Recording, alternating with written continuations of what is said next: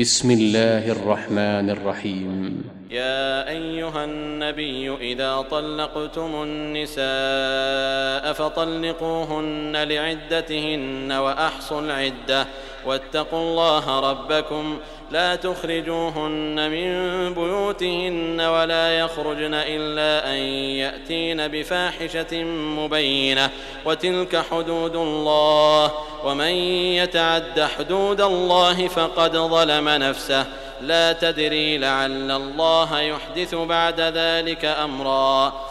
فإذا بلغن أجلهن فأمسكوهن بمعروف أو فارقوهن بمعروف وأشهدوا ذوي عدل منكم وأقيموا الشهادة لله ذلكم يوعظ به من كان يؤمن بالله واليوم الآخر ومن يتق الله يجعل له مخرجا ويرزقه من حيث لا يحتسب ومن يتوكل على الله فهو حسبه إن الله بالغ أمره قد جعل الله لكل شيء قدرا واللائي يئسن من المحيض من نسائكم إن ارتبتم فعدتهن ثلاثة أشهر واللائي لم يحضن وأولاة الأحمال أجلهن أن يضعن حملهن ومن يتق الله يجعل له من أمره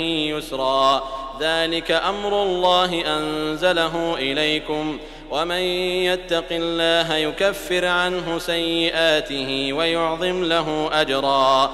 أسكنوهن من حيث سكنتم من وجدكم ولا تضاروهن لتضيقوا عليهن. وإن كن أولات حمل فأنفقوا عليهن حتى يضعن حملهن.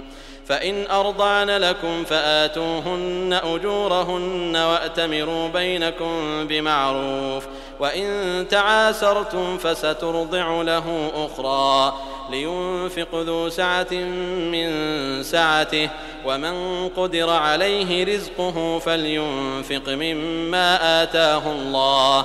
لا يكلف الله نفسا إلا ما آتاها. سيجعل الله بعد عسر يسرا.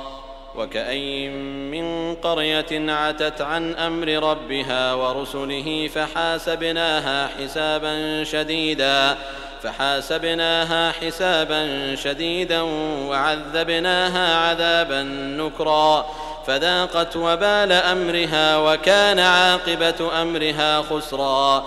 أعد الله لهم عذابا شديدا. فاتقوا الله يا أولي الألباب الذين آمنوا. قد أنزل الله إليكم ذكرا. رسولا يتلو عليكم آيات الله مبينات ليخرج الذين آمنوا. ليخرج الذين آمنوا وعملوا الصالحات من الظلمات إلى النور. ومن يؤمن بالله ويعمل صالحا يدخله جنات تجري من تحتها الأنهار خالدين فيها أبدا. قد أحسن الله له رزقا. الله الذي خلق سبع سماوات ومن الأرض مثلهن. يتنزل الأمر بينهن لتعلموا أن الله على كل شيء قدير وأن الله وأن الله قد أحاط بكل شيء علمًا.